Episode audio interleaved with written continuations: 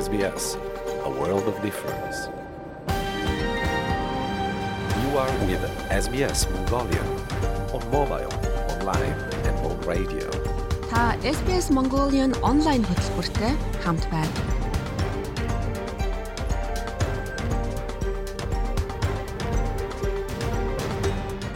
Сайн мэцхан Австрали суугаа монголчуудаа SBS радиогийн монгол хэл дээрх хөтөлбөрийн шин дугаар та бүхэндээ хүрж байна.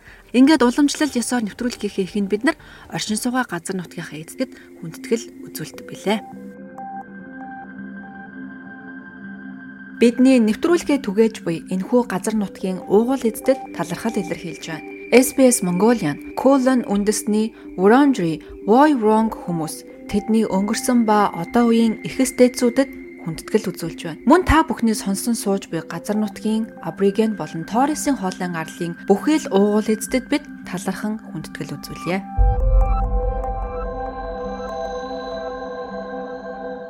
Манай нэвтрүүлэг Виктория мужийн Мельбурн хотоос танд хүрдэг намайг сэтгүүлч ундраа гэдгээ. Одоо бүтэн нэг цагийн туршид тантай хамт байж монгол хэл дээрх нэвтрүүлгүүдэд хүргэх болно. Бид өнөөдөр нэвтрүүлэгтээ оролцсон хөтөлбөрөөр танд товчхон танилцуулъя. Хэрвээ та Австралийн виз нь хүсэлт гаргахдаа хуурамч бичиг баримт оруулбал ямар эрсдэлтэй болох тухай нэвтрүүлгээ сонсоорой. За мөн Австралид олон нийтийн хэвлэл мэдээлэл байгуулах хэрхэн ажилдаг тухай SBS Learning English булангаа танд хүргэх болно. Хэрвээ таны ажил дээр ямар нэгэн маргаан гарсан бол үүнийг англиар хэрхэн илэрхийлэх тухай манай нэвтрүүлгээс сонсоорой. Мэдээж бид Австралид ирээд удаагүй байгаа шинэ хүмүүстэй мөн нэвтрүүлгээ зориулдаг.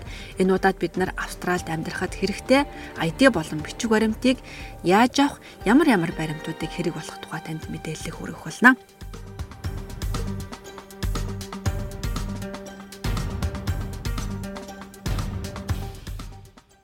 Та SPS Монгол нэвтрүүлэгтэй хамт байна. Сайн мэцгааны сонсогчдоо нэг оюутан хуурамч бичиг баримт бүрдүүлснээс болоод монголчуудын хүсэлт гаргадаг сургуульд Монгол улсын хүсэлтийг хүлээж авахгүй гэсэн шийдвэрийг гаргасан. За энэ юу нь яг ямар утгатай юм бэ? Хэрвээ бид нэр хуурамч бичиг баримт бүрдүүлвэл энэ нь зөвхөн тухайн хүний асуудал биш, нийт Монголоос виз мэдүүлж байгаа бүх хүмүүсийн асуудал болдог тухайд ер нь Австралийн миграшнээс тогтоодог энэ эрсдлийн левел гэж юуг ойлгодог тухайд бид нэр ярилцахаар энэ удаагийн ярилцлага эхлүүлж байгаа юм. Манай өнөөдрийн зочноор First One Education Migration-ы бүсийн зохицуулагч боловсролын зөвлөх Алтан Шагаа оролцож байгаа юм. За та нар мэдээж Шагаа Ашли гэвэл сайн мэднэ. Сайн уу Шагаа? Сайн уу? За өдрийн мэнд хүргэе. Өдрийн мэнд хуурамч бичиг баримтыг тухайн сургууль руу орох хүсэлтэндээ багтаасан байна те. Энэ яг ямар процесс болсон бэ? Ямар бичиг баримт байсан? Яаж шалгаад ямар шийдвэр гаргаж чад байгаа юм бэ өнөөдрийн байдлаар? За энийг яг уу яг бүр одоо эхнээс нь ингээ ярих юм бол одоо манай Монгол улсын чи одоо эрсдлийн төвшин иммиграшн Австрали улсын иммиграшнээс тогтоосон одоо эрсдлийн төвшин бол level 3 буюу хамгийн одоо эрсдэл өндөртэй орны тоонд бол маш олон жилийн хугацаанд орж яваа. Тэгэхээр ихэнх одоо ихтэй сургууль коллежууд болохоор level 3 орноос одоо буюу одоо офшороос те Монголоос ингэж оюутнууд хүлээж авах уугүй юу гэдгийг бид нарт урьдчилан мэдэгдэг. Тэгээд Австрали улсад үйл ажиллагаа явуулж байгаа ихэнх ихтэй сургууль коллежтаас маш цөөхөн сургуулиуд манай Монголоос одоо оюутан хүлээж авна гэдгийн нэг нь бол Evolution Hospitality Institute гэж одоо энэ сургууль байсан. Энэ сургууль маань болохоор өөртөө level 1 сургууль эрсдлийн түвшингээр хамгийн бага найдвартай тий энэ сургууль гэсэн үг шүү дээ. Тэгээд энэ сургууль руу level 3 орны оюутнууд виз мэдүүлгийн хамгийн давуу тал нь болохоор IELTS оноогүй ч гэсэн тухайн сургуулийнхаа түвшин тогтоох шалгалтыг өгөөд шууд эсэ орох юм боломжтой байдаг. Тэгэхээр манай Монголоос нөгөө виз мэдүүлж байгаа IELTS оноогүй маш олон оюутнууд байдаг. Тэгээд тэднэрт маань бас IELTS оноогүйгээр бас Австрали улсын иммиграшн руу сургалтын виз мэдүүлэх одоо боломжийг маш их одоо олгож өгдөг. Одоо цор ганц одоо энэ сургууль байсан hospitality одоо төрлийн тий. Тэгээд энэ маань өчигдөр дөнгөж өчигдөр за манайх одоо дахиж нэмэлтээр офшороос буюу Монголоос оюутнууд одоо хүлээн авах боломжгүй. Яагаад тэгэхээр одоо нэг монгол оюутан өөр нэг агентлагаар визэ мэдүүлэхдээ банкны баталгаагаа хуурамчаар хийснийг нь иммиграшн илрүүлсэн байна. Тэгээд одоо 40 20 гэдэг кондишн заагддаг. Энэ одоо тохиолдолд 40 20 кондишн маань болохоор зарилангийн шин чанартай хуурамч материал бүрдүүлэн өгсөн тохиолдолд энэхүү кондишныг тавьж одоо ойрын 3 жилд Шинзланд болон Австралийн орнууд руу виз мэдүүлэх эрхийг нь тухайн одоо виз мэдүүлэгчд одоо одоо тийм хориг тавих 3 жилийн хориг тий. А энэ хориг бол зөвхөн тухайн оюутанд л нөлөөлж байгаа 3 жилийн. Тэгээ гэтэл тэр нөгөө fraudulent document буюу одоо зарилангийн шин чанартай хуурал бичиг барь бүрдүүлсэн гэдэг одоо татгалзал маань тухайн сургуулийнхаа эрсдлийн түвшинд бууралдаг. Дээрээс нь тухайн улс орны эрсдлийн түвшинд бас маш өндөр хуваар нөлөөлдөг байхгүй юу? Тэр оюутны өсөлтийг хүлээж авахгүйгаас гадна бусад виз мэдүүлэхээр бэлтгэж байгаа оюутнуудын өсөлтийг хүлээж авах болсон байна. Энэ нь эргээд Монголын одоо тэр эрсдлийн төвшөнд яаж нөлөөлөх болоо нэг удаагийн энэ кейс ямар нөлөө үзүүлэх вэ? Австрали улсын иммиграшн одоо тухайн улс орнуудыг одоо эрсдлийн төвшингээр нь одоо левел 1 2 3 гэж ангилдаг. Тэгж ангилахдаа маш шударгаар ангилдаг гэж би бол ойлгодог. За тэгмүүгтээ тухайн улс орны улс төрийн байдал, эдийн засгийн байдал, магадгүй хүн амын амжиргааны түвшин ч юм уу те? Эдгээр хүчин зүйлсээс бүр үл хамааран зүгээр л тухайн орноос виз мэдүүлж байгаа хүмүүс нь хэрэг одоо энэ хуурамч материал гэж гинөө хэр олон хүн одоо тэр улс төрийн органал гэдэг protection визийг мэдүүлж гинөө хэр олон хүн харалж гинөө хугацаа итэрж гинөө гэх те? Эдгээр хүчин зүйлүүдийг нь л зөвхөн тооцож левелийг тогтоодог. Тэрнээс устдаар манай Монгол улс өөрийн төвшин өндөр байна уу? Магадгүй улс төрийн намууд нь хоорондоо хэр одоо зөрчилдөөтэй. Тэр бол ерөөсөө огт хамаарал. Тэгмэд манай Монгол оюутнуудаас бас хэд хэд удаа асуужсан. Манай Монгол улс ядуу учраас те манайх левел 3-аараа байд гэдэг те. Тэгмэд ерөөсөө үгүй юм аа. Энэ ерөөсөө 100% оюутнуудын виз мэдүүлж байгаа хүмүүсээс 100% шалтгаалж байгаа зүйл те. Та бүхэн виза мэдүүлэхдээ яг үнэн шудраг тэгээ тэр одоо банкны баталгаа байд юм уу?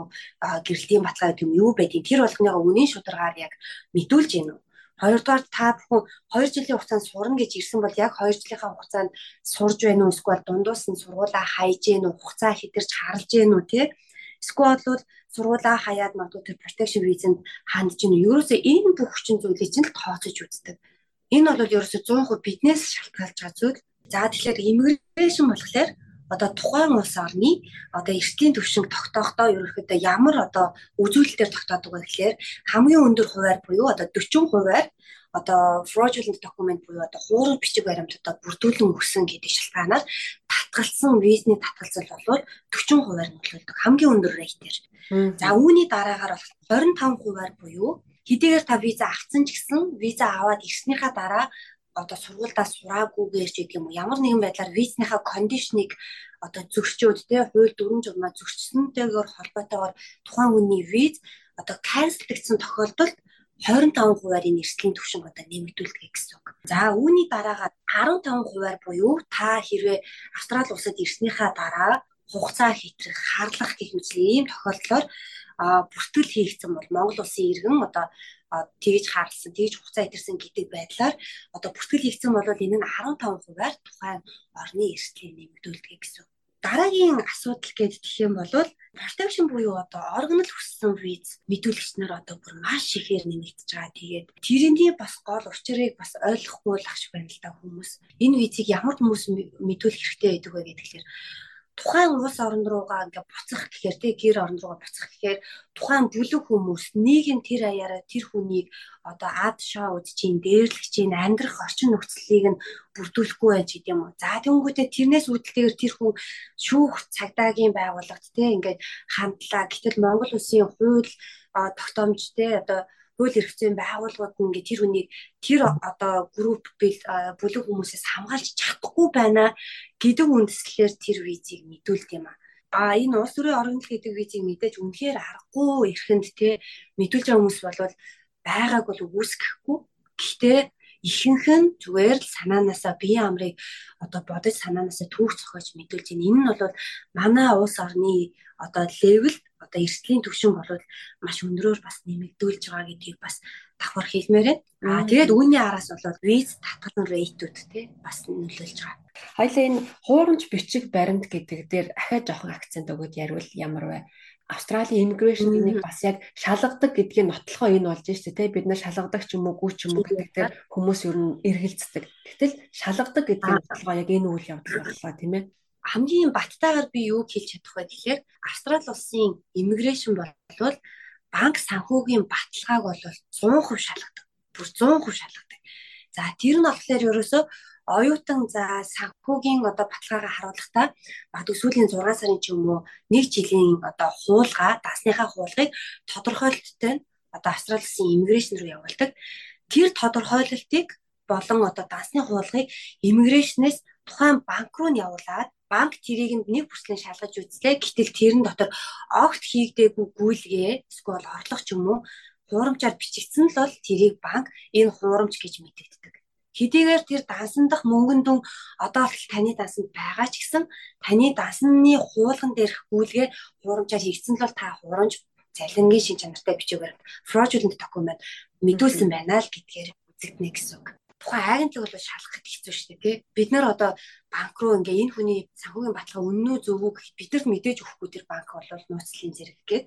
За гэр хүний одоо гэрэлтийн баталгаа ч юм уу те эсвэл бол тэр орон сууц үйл хөдлөх хөрөнгийн гэрчлэгээнүүд үнэн хурамжийг бид нар бол шалгахад үнэхээр хэцүү бид нар гэхдээ боломжоор шаардлагыг бол тавиад оюутнуудаас үнэн шударга зөв мэдээллийг аваад иммиграшн руу ингээ явуулж байгаа. Ер нь левел 3-т байгаа улс гэдэг нь Австралид ямар ойлголтыг төрүүлдэг вэ? Энийг ахиулахын тулд бид нар юу хийж чадах вэ? Мэдээж бидний зүгээс бол хийж чадах зүйл бүр маш их. Тэгэхээр намайг одоо ингээ а яг ийм боловсролын одоо зөвлөхөр ажиллаж байхад байна штэ тий Монголоос ингээд одоо нэг сингл оюутан Австрали руу явуулсан. Тэгүнхтээ явуулсныхаа араас агентлаг нь тэр сингл оюутан дээр хуурамчаар гэрлийн баталгаа хийгээд өөр хүнийг шал танихгүй хоёр хүнийг хооронд нь гэрлүүлээд араас нь dependent визагаар тэр ингээд мэдүүлээд араас нь явуулсан ийм тохиолдлууд Австралид ирсний дараа манай агентлаг дээр ирээд нөгөө одоо investigate тэ болж исэн одоо илрүүлэх жисэн ийм тохиолдол төр байдаг хгүй юу. Тэгэхээр нэг талаараа манай агентлагууд өөрсдөө ийм хуурамч зүйл битгий хийгээч нөгөө талаараа манай оюутнууд өөрсдөө бас агентлагтаа бүр огт хийхгүйгээр дуур мэдээж фотошоп ашиглаж хуурамч бичиг баримтуудыг хийдэг. Тэгэхээр айл айл тал нь энэ хуурамч бичиг баримт одоо бүрдүүлэх, мэдүүлэх ийм юуг зөөрөөсөө маш анхаарах хэрэгтэй. За нөгөө талаараа бас энэ protection base мэдүүлэхийг одоо зөв талаар нь бас бусдад одоо ойлгуулах хэрэгтэй.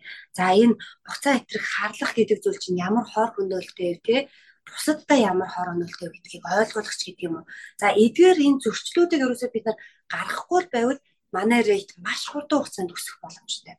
Австрали улсын иммиграшн улс орны болон одоо сургуулиудын одоо энэ assessment level буюу эрсдлийн левелийг 6 сар тутам тогтоодог.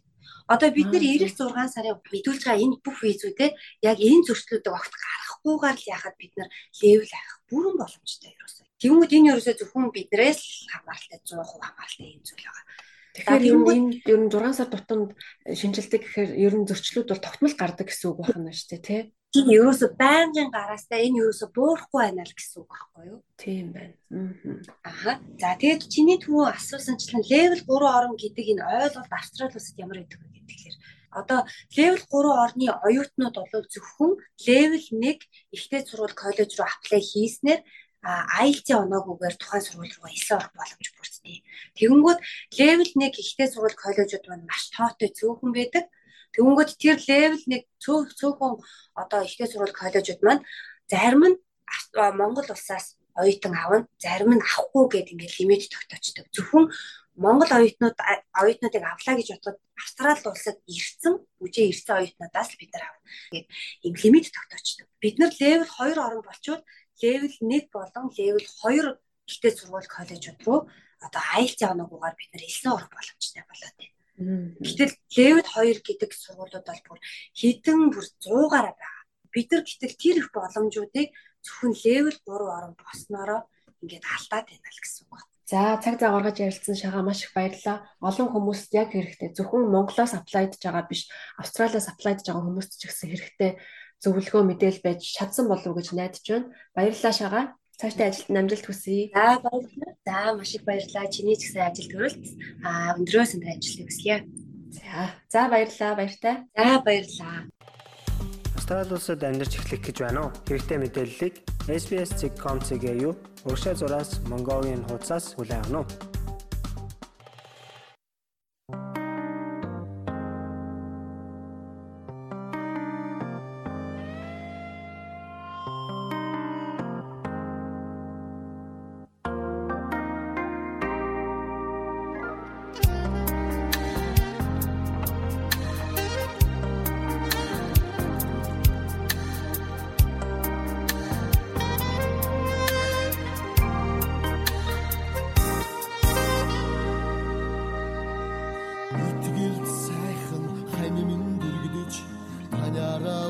Djevnabi i vilch herdig ech mine bayrach Haniga duguled bakhi Altının arın edek İlçi gübet sen ılgına Arıvın tavni sarın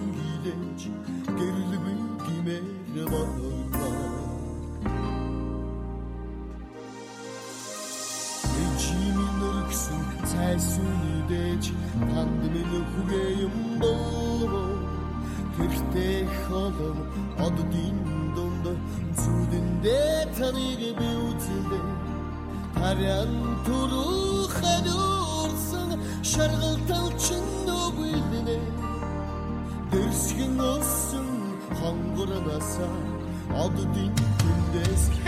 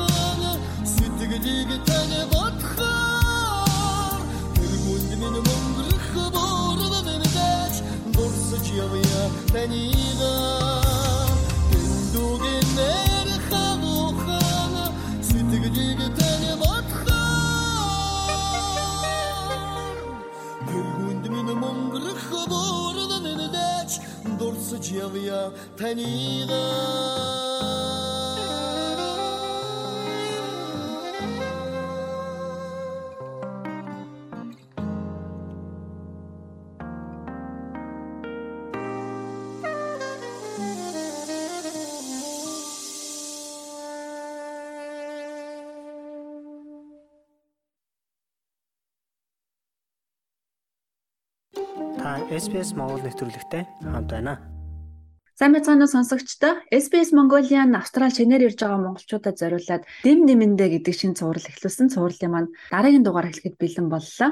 Энэ удаагийн сэдэв маань Австрал ажиллаж амьдрахад шаардлагатай бичиг баримтууд, ID-нууд яаж авдаг талаар бид энэ удаагийн нэвтрүүлгээрээ танд зөвлөх юм аа.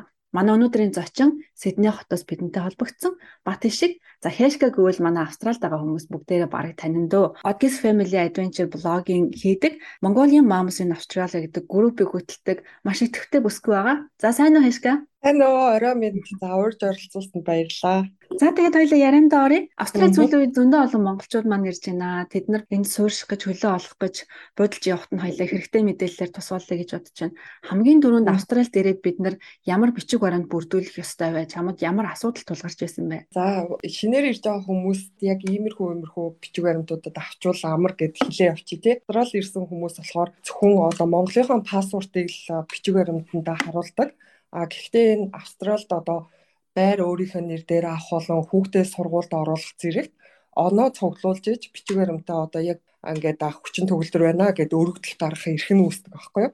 А тэр нь болохоор 100 оноо гэж явдیں۔ А Монголын паспорт болохоор 70 оноонд дүүцхүүц байдаг. Фото ID болон driver license буюу Австралийн жолооны үнэлэх хоёрыг авчих юм бол цаашдаа бол яг энэ хоёр чинь Австрали улсад та бүгдийг ингэж төлөөлж байгаа яг хүчин төгөлдөр Австралийн бичиг баримт болж байгаа гэсэн үг. А тэгэхээр эренгүүтэл ерөөсөө фото ID-гаа аваад машин барьдаг хүмүүс нь бол driver license буюу Австралийн жолооны үнэлэхэд бэлтэж агаад шалгалтын нөгөөд очих юм бол цаашдаа маш их хэрэг болдог байгаа. Энэ ID-г яаж авдаг юм бэ? А фото ID гэдэг нь болохоор монголоор одоо иргэний үнэлэх маягийн Service New South Wales гэдэг вебсайтаар нь ороод харах юм бол а яаж аплайдах заавар нь байдаг. А тэгээд фото ID-ний хувьд бол яг энэ Service New South Wales-ийн салбарууд дээр очиж өөрийн биеэр аплайдах хэвээр. Яг тэгэхээр тэнд очихоор нөгөө зургийг чинь шууд оргиор нь зургийг авдаг байхгүй аплайдсны дараа гэрээ хаягаар 5-7 хоногийн дараа ирдээ. А тэгээ хугацаа нь болохоор жилийн хугацаатай 5 жилийн хугацаатай гэж авч болдог шиг санаж байна. За хоёлаа дараагийн ярилцахны гол сэдэв бол Австралид ажиллаж амьдрах бусад бичиг баримтыг авахд MyGo гэдэг систем дээр өөрийн гэсэн аккаунт нэрх хэрэгтэй байдаг тийм. Энэ талаар мэдээлэл өгөөч.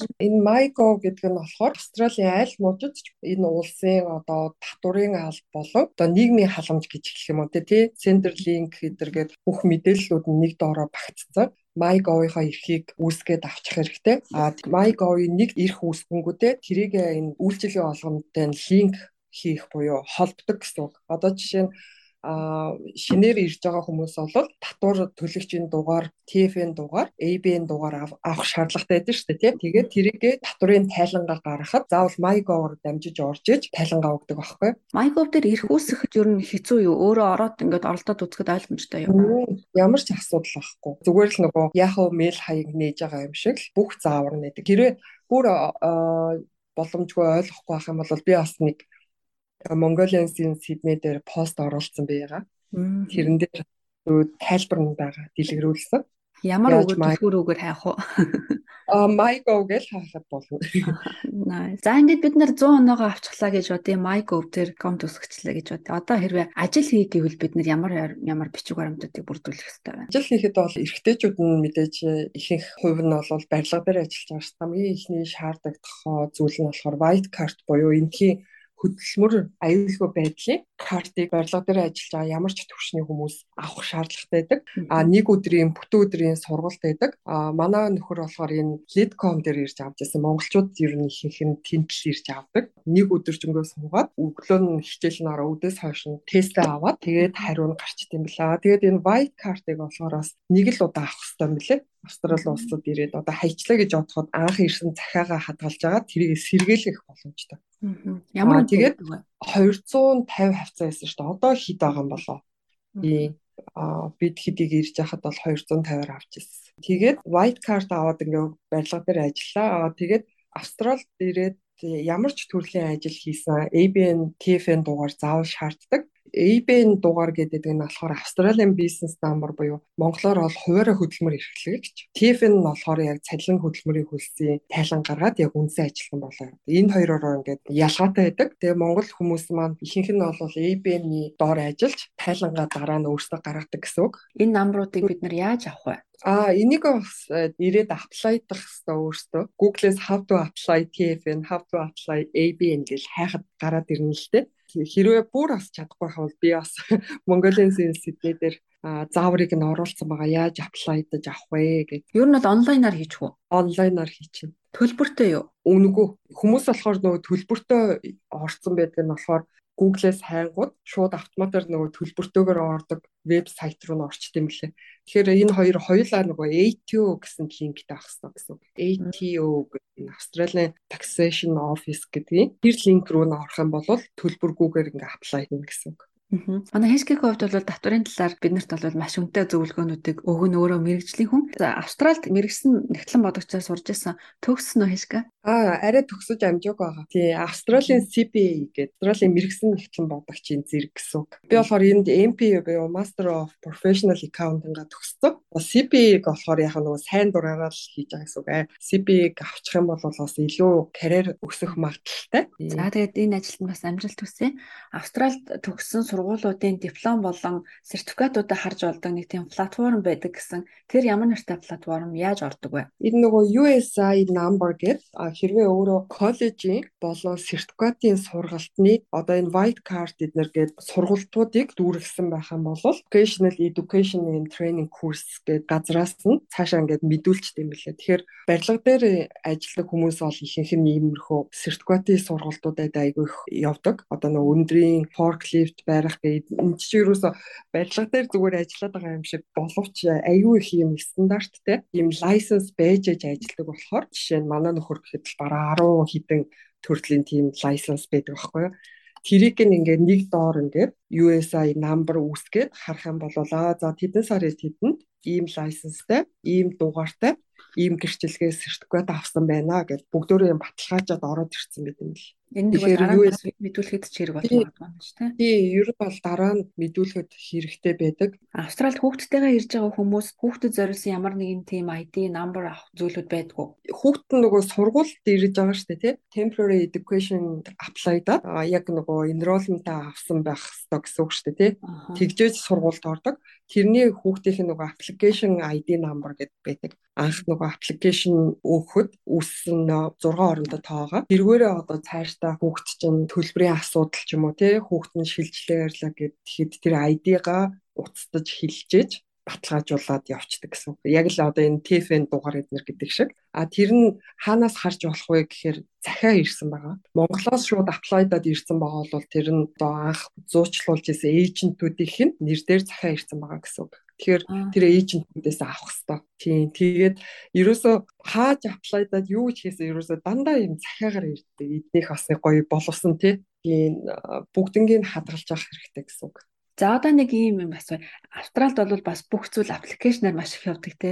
За нийтийн тээвэр хэрэглэх аппликейшнээс эхлээд өөр бид нар утсан дээр ямар аппликейшн суулгавал өдөр тутмын амьдралыг мань хөнгөвчлөх вэ? Аа тий. Би болохоор нөгөө Сиднейд амьдардаг болохоор Сиднейгийнхээ л талаар яриад байгаа шүү дээ. Нийтийн тээвэр ашиглахад Opel Card гэдээ байдаг. Аа тэгвэл одоо бол би юуроос Opel Card хэрэглэхээ болоод удаж байна. Шууд нөгөө банкныхаа картыг уншуулад явах боломжтой болсон шүү дээ тий. Тэгэхээр илүү хямдхан байд юм л. Opel-оор жишээ нь одоо 2.5 доллар төлдөг газар а юугаар банкныхаа картыг ашиглангуул шууд 1 доллараар төлөө явдаг байхгүй. Оо, яста мэдмээр юм байна чаа. Тэрийг гэхдээ хүмүүс яг нь шинэ ирсэн хүмүүс бол мэдгүй Opel card авах хэрэгтэй гэж авчиж байгаа. Тих хэрэггүй шүү. Тийм. Шууд 1 доллар төлөө л яваад идэг. Аа тэгээд энэ Австрал болохоор юу Сиднейд жишээ нь нэг автобуснаас буугаад дараагийн трипээ хийгээд трен суугаад ингээ явлаа гэхэд хамгийн эхлээд хаана одоо юуг карта дарж ороод хаана буусан тэр хүртэл зайгаар чинь хэмжээд оплоос бол мөнгө нь ундаг байхгүй юу. Аа тэгвэл манай Виктория мужаас ялгаатай байна. Тий 2.5-аас одоо 4 доллар 4.5 фэри ашиглах юм бол 7.5 ав гэд явж байгаа. Манай Виктория мужид бол нийтийн тээвэр харьцангуй үнэтэй байд юм байна танахтай харьцуулахад. Манай хол ойр явахаасаа хамаарахгүйгээр нэг удаа ингээд карта уншуулхад 4 доллар 50 цент байсан баха. Тэгээд 2 цаг дотроо үнэгүй ахаад сухад Тэгээд 2 цагийн дараа ахаад суухад бол ахаад 4 доллар 50 цент ундаг. Австралид ирээд удаагүй байгаа хүмүүс Австралийн тухай илүү их мэдээлэл авахыг хүсэх юм бол манай хишгээгийн бэлддэг Odgis Family Adventure-аар ороорой. Маш олон мэдээлэл өгдөг шүү. Хамгийн гол нь бүгдээр маш их судалгаатай, яг л амьдралын туршлага дээр үндэслэн мэдээлэлүүд өгдөг болох төр би ч өөрөө бас үзэх дуртай. Тэгээд цаашдаа ажилтны амжилт хүсье. За маш их баярлалаа. Австралид нийт ажил амьдарч байгаа болон шинээр ирж байгаа бүх хүмүүстээ бүгдэнд нь амжилт хүсье. Үссэн зорьсон болгоныгоо биелүүлээрэ гэж ерөөё. За баярлалаа. Чамд ч амжилт хүсье. Баяр та. За баярлалаа. Австрали улсад амьдарч эхлэх гэж байна уу? Хэрэгтэй мэдээллийг SBS.com.cg юу? Уршаа зураас Mongolian хуудасаас хүлээн авах нь. Та SBS Монгол хэл дээрх радио хөтөлбөртэй хамт байна. Та SBS Монгол нэвтрүүлэгтэй хамт байна. Австралид хэвлэл мэдээллийн байгууллага хэрхэн ажилдаг вэ? Хэвлэлийн эрхчлөлөө хэвлэл мэдээллийн олон талт байдал нь эрүүл ардчлалын чухал шинж тэмдэг юм. Иргэд сэтгүүлчид их баригчид засгийн газрын хөндлөнгийн оролцоогүйгээр үзэл бодлоо илэрхийлэх, мэдээлэл олж авах, нийтлэх эрх мэдэлтэй байдаг. Хэвлэлийн эрхчлөлөөг үндсэн хуулиар баталгаажуулаагүй ч Австрали улс дэлхийн хэвлэл мэдээллийн эрхчлөөний индексээр эхний 40 орны тоонд багтдаг юм а. Тэгвэл ардчилсан нийгэмд хэвлэл мэдээллийн хэрэгсэл ямар үүрэгтэй вэ? Австрали дахь арилжааны хэвлэл мэдээллийн хэрэгсэл болон олон нийтийн санхүүжилттэй өргөн нэвтрүүлэгчид юугаараа ялгаатай вэ? SBS Монгол нэвтрүүлэг таны гар утас болон цахим хуудасд нийлдэхтэй байна. Австралид хувийн хвшлийн арилжааны болон олон нийтийн мэдээллийн хэрэгслүүд зэрэгцэн ажилладаг. Татвар төлөгчдийн мөнгөөр санхүүждэг олон нийтийн үйлчилгээний хоёр томоохон хэвлэл мэдээллийн байгууллага байдаг. Энэ бол та бидний мэдих ABC болон SBS юм а. Хувийн хэвлэл мэдээллийн хэрэгсэл ашиг олох, үнэлэгдэх зорилгоор контент бүтээдэг. Тэд арилжааны ивент тэтгэгчтэй болон тэдний ашиг сонирхолд тарьяалагддаг. Үүний эсрэгээр олон нийтийн хэвлэл мэдээллийн хэрэгсэл тэднийг санхүүжилдэг олон нийтийнхээ өмнө хариуцлага хүлээдэг юм а. Кристиан Портер бол олон нийтийн хэвлэл мэдээллийн хэрэгсэл сэтгүүл зүйн үндсэн зүйлсийг сурталчлах дэлхийн хамгийн том олон нийтийн мэдээллийн байгууллагуудын нэгдэл болох Public Media Alliance-ийн гүйцэтгэх захирал юм. Тэрээр хэлэхдээ олон нийтийн телевизүүд олон нийтэд үнэн зөв мэдээлэл өгөх үндсэн үүрэгтэй гэлээ. They should be free from government or overt commercial interference. They should have oversight from Тэд засгийн газрын болон арилжааны зорилготой хөндлөнгийн оролцооноос ангид байх ёстой. Тэд бие даасан зохицуулагчийн хяналтанд байх ёстой. Бүх нийтийг мэдээлэх, сургах, зугаацуулах, шудраг мэдээ чанартай контентоор хангах үүрэгтэй. Олон нийтийн хэвлэл мэдээллийн хэрэгсэл нь найдвартай байх ёстой. Онцгой байдал, гамшигын үед мэдээллийн их сурвалж болж худал ташаа мэдээллийн эсрэг найдвартай тэмцэгчт нь тэд болд юм а. Эдгээр нь бүх нийтэд хүртээмжтэй олон янзын үзэгчдэд хүрч эцсийн дүндээ ардчлалт ялангуяа сонгуулийн үеэр бодит мэдээлэл хүргэх үүргийг тэд хүлээдэг. and ultimately inform democracy particularly at times of election. Мөн олон нийтийн хэвлэл мэдээллийн хэрэгслүүд хэрхэн санхүүжиж түүнээ яаж удирдах, зарцуулж байгаа олон нийтэд нээлттэй байлгах ёстой. Бенди Бэкон бол эрен сурвалжлах сэтгүүлч, улс төрийн идэвхтэн академич юм. Сиднейн технологийн их сургуулийн сэтгүүл зүйн профессороор 20 жил ажилласан туршлагатай хүний хувьд бидэнд их сурвалж боллоо. Тэрээр хэлэхдээ олон нийтийн хэвлэл мэдээллийн хэрэгсэл нь олон нийтийн хэрэгцээ хитийн төлбөрийг тусгасан нийтийн дуу хоолой нэвтрүүлгийн олон янзын хэв маягийн платформ болж байдаг. Гэхдээ энэ зарчим төрийн санхүүжилттэй хэвлэл мэдээллийн байгууллагын хувьд эсэргээрээ байх гэд байдаг тухай тэрээр онцоллоо. Олон нийтийн хэвлэл мэдээллийн хэрэгсэл нь редакцийн хараат бус засгийн газар болон бүх улс төрийн намыг шүүмжлэх эрхтэй эрх чөлөөтэй байх ёстой. Энэ нь эдгээр хэвлэл мэдээллийн ямар мэдээ хэрхэн мэдээлэхээ өөрсдөө шийддэг байна гэсэн үг юм а. For that to happen there has to be in place arrangement. Ингийн тулд тус бие даасан байдлаа хамгаалах зохицуулалттай байх ёстой. Тухайлбал харилцаа холбооны сайд олон нийтийн телевизэд шууд хяналт тавьдаггүй. Төрийн хяналтанд байдаг хэвлэл мэдээллийн хэрэгсэл бол сайд шууд зааварчилгаа өгөх боломжтой байдаг. Төрийн мэдлийн хэвлэл мэдээллийн хэрэгсэл авторитар дэглэмтэй улс орнуудад түгээмэл байдаг. Тэд ихэвчлэн засгийн газартай ээлтэй үндэсэрхэг контент бэлтгэдэг. Олон нийтийн хэвлэл мэдээллийн хэрэгсэл нь нийтийн өмнө хилцүүлэг хийж хяналтыг дэмжих бөгөөд ардчлалын тулгуур багнуулдаг. SBS Туркийн ахлах продюсер Нижат Басартай ярилцлаа. Австралийн SBS радиод ажиллахаас өмнө тэрээр Туркэд сэтгүүлчээр ажиллаж байсан юм а. Тэрээр хэлэхдээ засгийн газар юу мэдээлж байгааг бүрэн хяндаг. Тэд төрөөс санхүүжүүлдэг хэвлэл мэдээллийн хэрэгслээр эсвэл засгийн газрын итгэмжлэгдсэн төлөөлөгчдөд удардаг хэвлэл мэдээллийн хэрэгслээр дамжуулж мэдээлсэн зүйлд хяналтаа тогтоодог гэлээ. It's 100% government propaganda. Энэ бол 100% төрийн сурталчилах болго. Төрийн бодлого засгийн газрын хүссэн зүйлээс гайцсан зүйл байхгүй. Чамд ямар ч байсан хазаах боломж байхгүй та олон нийтэд хүргэж чадахгүй та зурагтаарч гарах боломжгүй болно. Нэжат басаар цааш нь ярихдаа Туркийн сэтгүүлчид засгийн газартаагаа зөрчилдвөл ноцтой аюул занал хэлэлд өртдөг гэж ярьлаа. Turkey passed a law that has made illegal to propagate falsehood. Турк улс худал мэдээллийг сурталчлахыг хуулиар хоригдсан байдаг. Тиймээс засгийн газраас худал гэж үзсэн альва мэдээлэл цацсан сэтгүүлчийг 3 жил хүртэл хорих ялаар шийдэгдэг. Зарим хуйлууд таны хамрах зүйлийг хязгаарладаг. Тиймээс нэг юм хоёр удаа хязгаарыг давж зоригтой байхыг хүмүүс хичээдэг.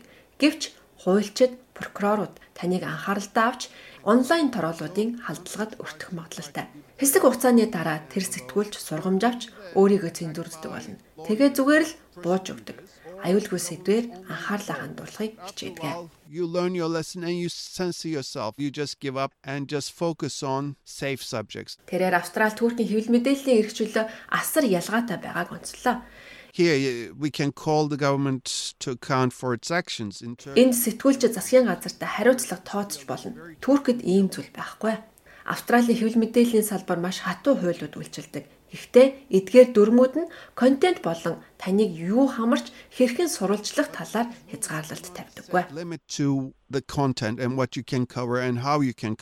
Австралийн ABC буюу Австралийн өргөн нэвтрүүлгийн корпорацийн мэдээ анализ эрен сурвалжлах албаны захирлаар ажиллаж байсан Гэвин Моррис ингэж ярьлаа. There are sometimes figures within governments who think, well, if we're providing the funding towards that public media. Олон нийтийн мэдээллийн байгууллагад санхүүжилт олгож байгаа юм чинь засгийн газрыг шүүмжлэх ёсгүй. Эсвэл төрийн бодлого тодорхой асуудлаар байр суурийг нь хүндэтгэлтэй хандах ёстой гэсэн байр суурь үе үе цухалцдаг. Иймэрхүү хурц үзэл үе үе гарч ирдэг ч бид ABC-гийн бие даасан байдлыг хамгаалахын тулд ажилласаар all. Тэгвэл олон нийт ABC, SBS-с юу хүлээх вэ? Олон нийтийн өргөн нэвтрүүлгийн аль аль нь өөрсдийн дүрм, редакцийн бодлого, үйл ажиллагааны дүрмээр удирддаг. Агуулга нь шудраг, тэнцвэртэй байх ёстой. ABC нь илүү том. Орон нутгийн болон олон улсын олон арван төвтэй Австралийн бүх нийслэлд офис студидтэй. Энэ нь олон янзын үзэгчд сонирхолд нийцсэн радио станц, телевизийн сургууттай. Үүнд мэдээ хүүхдэд зориулсан контентын тусгай телевизийн сургуутч багтдаг. ABC нь онцгой байдлын үед олон нийтэд мэдээлэл өгдөг. Энэ нь ард иргэдэг бэлэн байдалд сургаж, хямралын гамшигын үед сэрэмжлүүлэг, шин мэдээг цацаж, сэргээн босгох ажлын талаар мэдээллийг дамжуулдаг юм а. Моррисын яриаг дахин хүргэе. In recent years, that has grown for the ABC. Сүүлийн жилүүдэд ур амьсгалын өөрчлөлтийн улмаас ABC-гийн үүрэг улам бүр нэмэгдсээр байна. Гэхдээ бүс нутаг хөдөөгийн аслагдсан газруудад яаралтай нэвтрүүлэг, яаралтай тусламжийн мэдээллээр хангах нь урд өмнөхөөсөө илүү чухал үүрэг болж байна. Харин SBS-ийн хувьд Австралийн олон соёлт, олон хэлээр ярьдаг нийгмийн бүлгүүдэд зориулагдсан олон нийтийн хэвлэл мэдээллийн байгууллага юм. Телевизийн сувгууд нь олон улсын нэвтрүүлэг болон англи болон бусад гадаад хэл дээрх мэдээний үйлчлэгээ багтаадаг. Энэ нь англи хэлээр ярьдаггүй хүмүүст эх орноосоо мэдээлэл, entertainment авах боломжийг олгодог юм. SBS нь Австралийн үндэсний уугуул телевизүүлэг NITV-г өөртөө багтаадаг юм. Дэвид Хуа бол SBS-ийн аудио, гадаад хэлний контентын захирал бөгөөд 60 гаруй хэлээр нэвтрүүлэг цацдаг SBS-ийн радиог удирддаг юм а.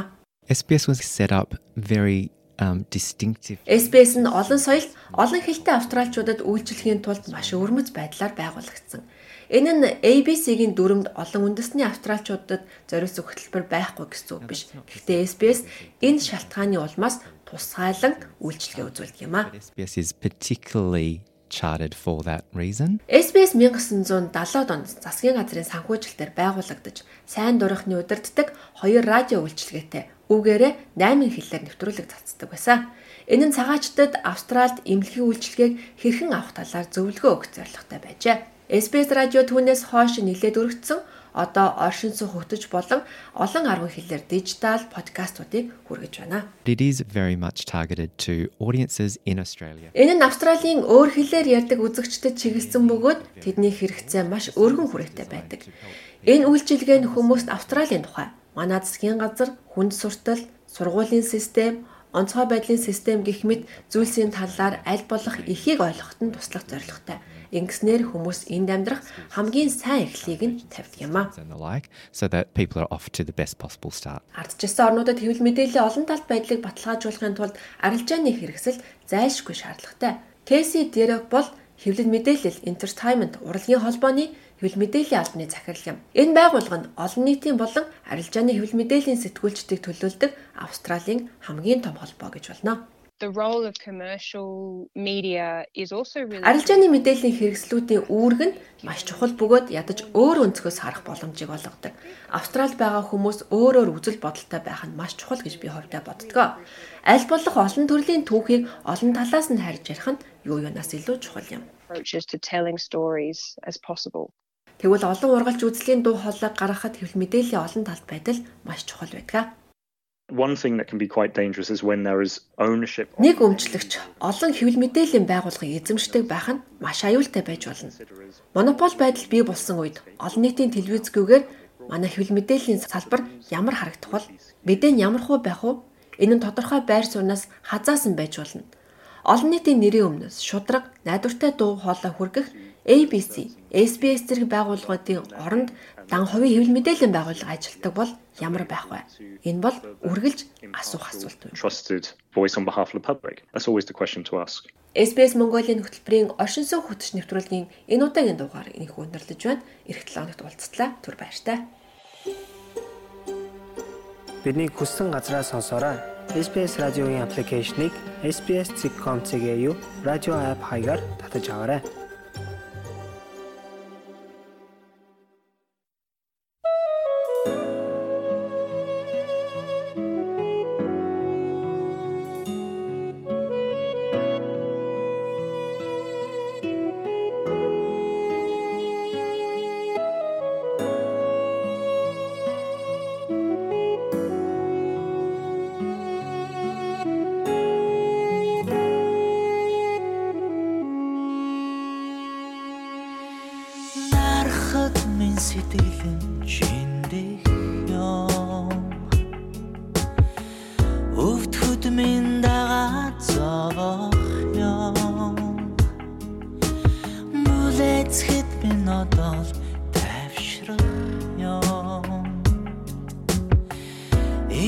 Итгэхэд минь дагаад хөрөх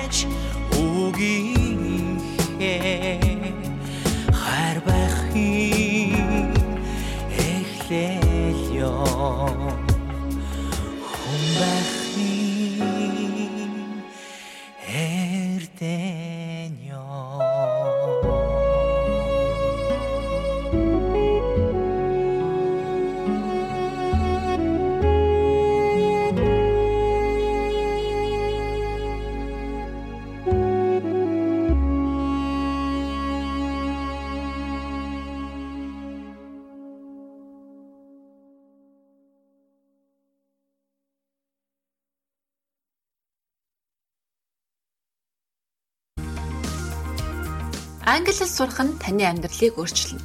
Та хэлээ сайжруулангаа Австралийн соёл, амьдралын хэв маягийн тухай SBS Learning English-с сураарай. Манай подкастыг хаач явсан сонсож болно.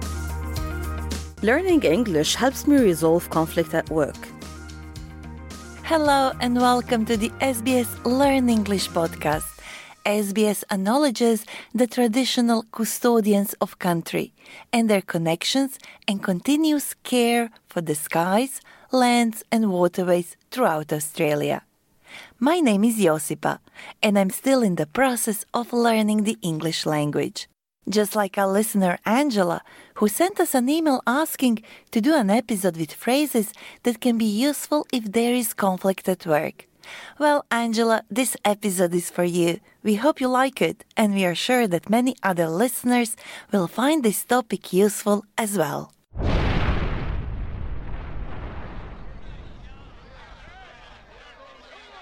Conflict in the workplace is common because people often have different ideas, interests, or beliefs. Maybe we disagree with someone because we have different working styles, or perhaps people don't communicate or collaborate very well. Or you have to work with a colleague who is stepping on your turf.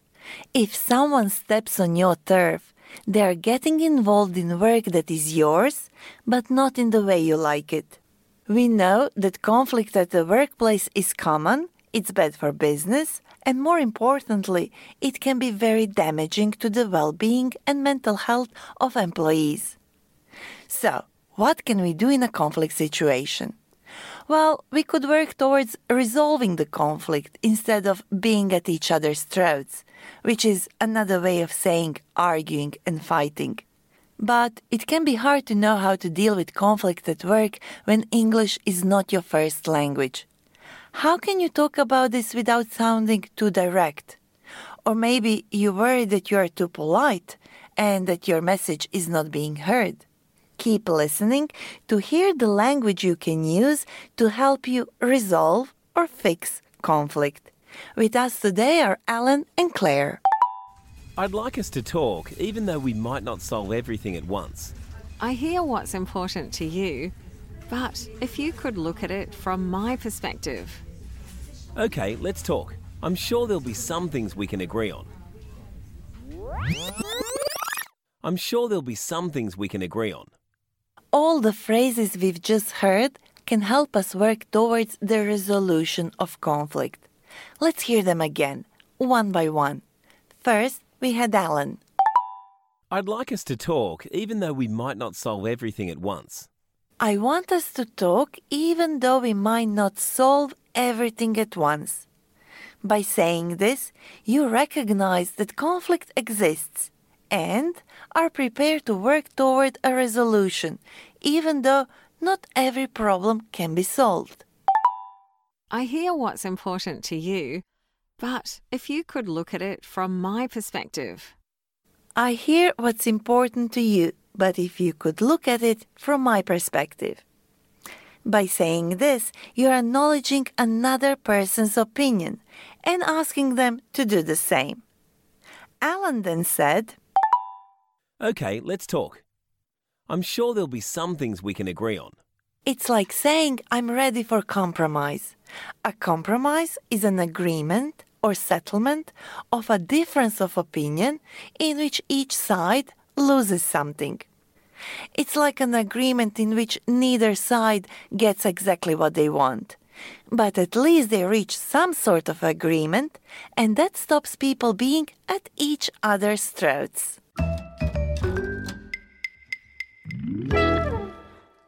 Let's say your workplace conflict is getting out of hand, meaning it is becoming difficult to control, and you are feeling angry or sad. So, if you're upset, you could say, Let's take a break and talk again once we've cooled down a bit. That sounds much better than saying, I can't deal with this or this will never work. Let's take a break and talk again once we've cooled down a bit. To cool down a bit means to stop being angry. Sometimes taking a break from confrontation can help us get a fresh perspective on the problem. Because we often don't see the solution when we are so angry that we just want to prove that we are right. Or let's say a colleague is saying something that makes no sense. Instead of saying that to them directly, to their face, and making the conflict worse, you could say, Help me understand where you're coming from. Help me understand where you're coming from. It's a great phrase, isn't it? Because instead of getting defensive, that means instead of feeling that you have to defend your own views in an angry way by attacking what people say during an argument, you can use this phrase to get the other person to explain themselves more clearly. By saying, Help me understand where you're coming from, you are asking for further explanation of their motives and reasoning. Okay, let's look at just one more example. I understand your point, but I see things a little differently.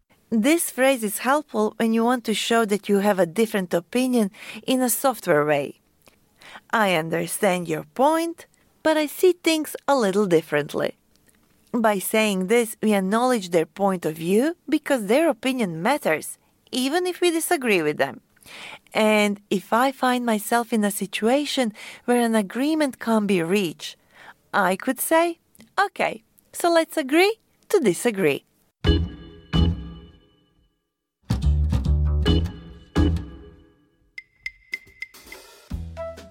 Today, we are in the company of my colleague, SBS radio content editor Peter Theodosiou. Hi, Peter. Thanks for being part of the show. Hi, Osipa. I'm a big fan of the Learn English podca- podcast, so it's a pleasure to be here. Workplace conflict is bad for business, but perhaps even more importantly, it can be very bad for the people involved too, right? Yeah, well, workplace conflict, especially long lasting, can create a toxic environment for everyone. A toxic environment is a place or behavior that causes harm to your health, happiness, and well being. Toxic. That is quite a strong word. It is usually used to describe a poison. That's right. A workplace must be very harmful if you describe it like that. But even conflict that is not so extreme can still be very stressful. especially if the conflict remains unresolved for some time. Many studies have confirmed that unresolved workplace conflict causes considerable stress, anxiety, and depression that can ultimately lead to more serious mental health issues. Unfortunately, these days, whether we are in conflict with someone or not, so many of us need support to achieve our best mental health and reduce the daily stress in our lives. Yes, according to the Australian Human Rights Commission, around 45% of adult Australians will experience a mental illness at some point in their life, while one in five Australians will experience a mental illness in any given year. That's why here at SBS we are launching Mind Your Health on October 10. I encourage everyone to visit the Mind Your Health website to access diverse perspectives of health and well-being for free. Awesome! I can't wait to try some of the suggested meditations you mentioned to me. But before I say goodbye to you now, can you please help us repeat useful phrases from this episode? I'd be happy to. See if you can answer the question before hearing the answer. If someone steps on your turf, they are.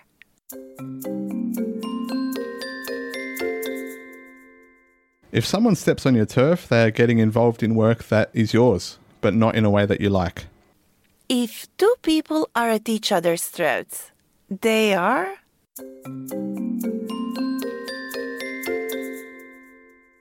If two people are at each other's throats, they are arguing, they are angry, and they are fighting. What does it mean that conflict is getting out of hand?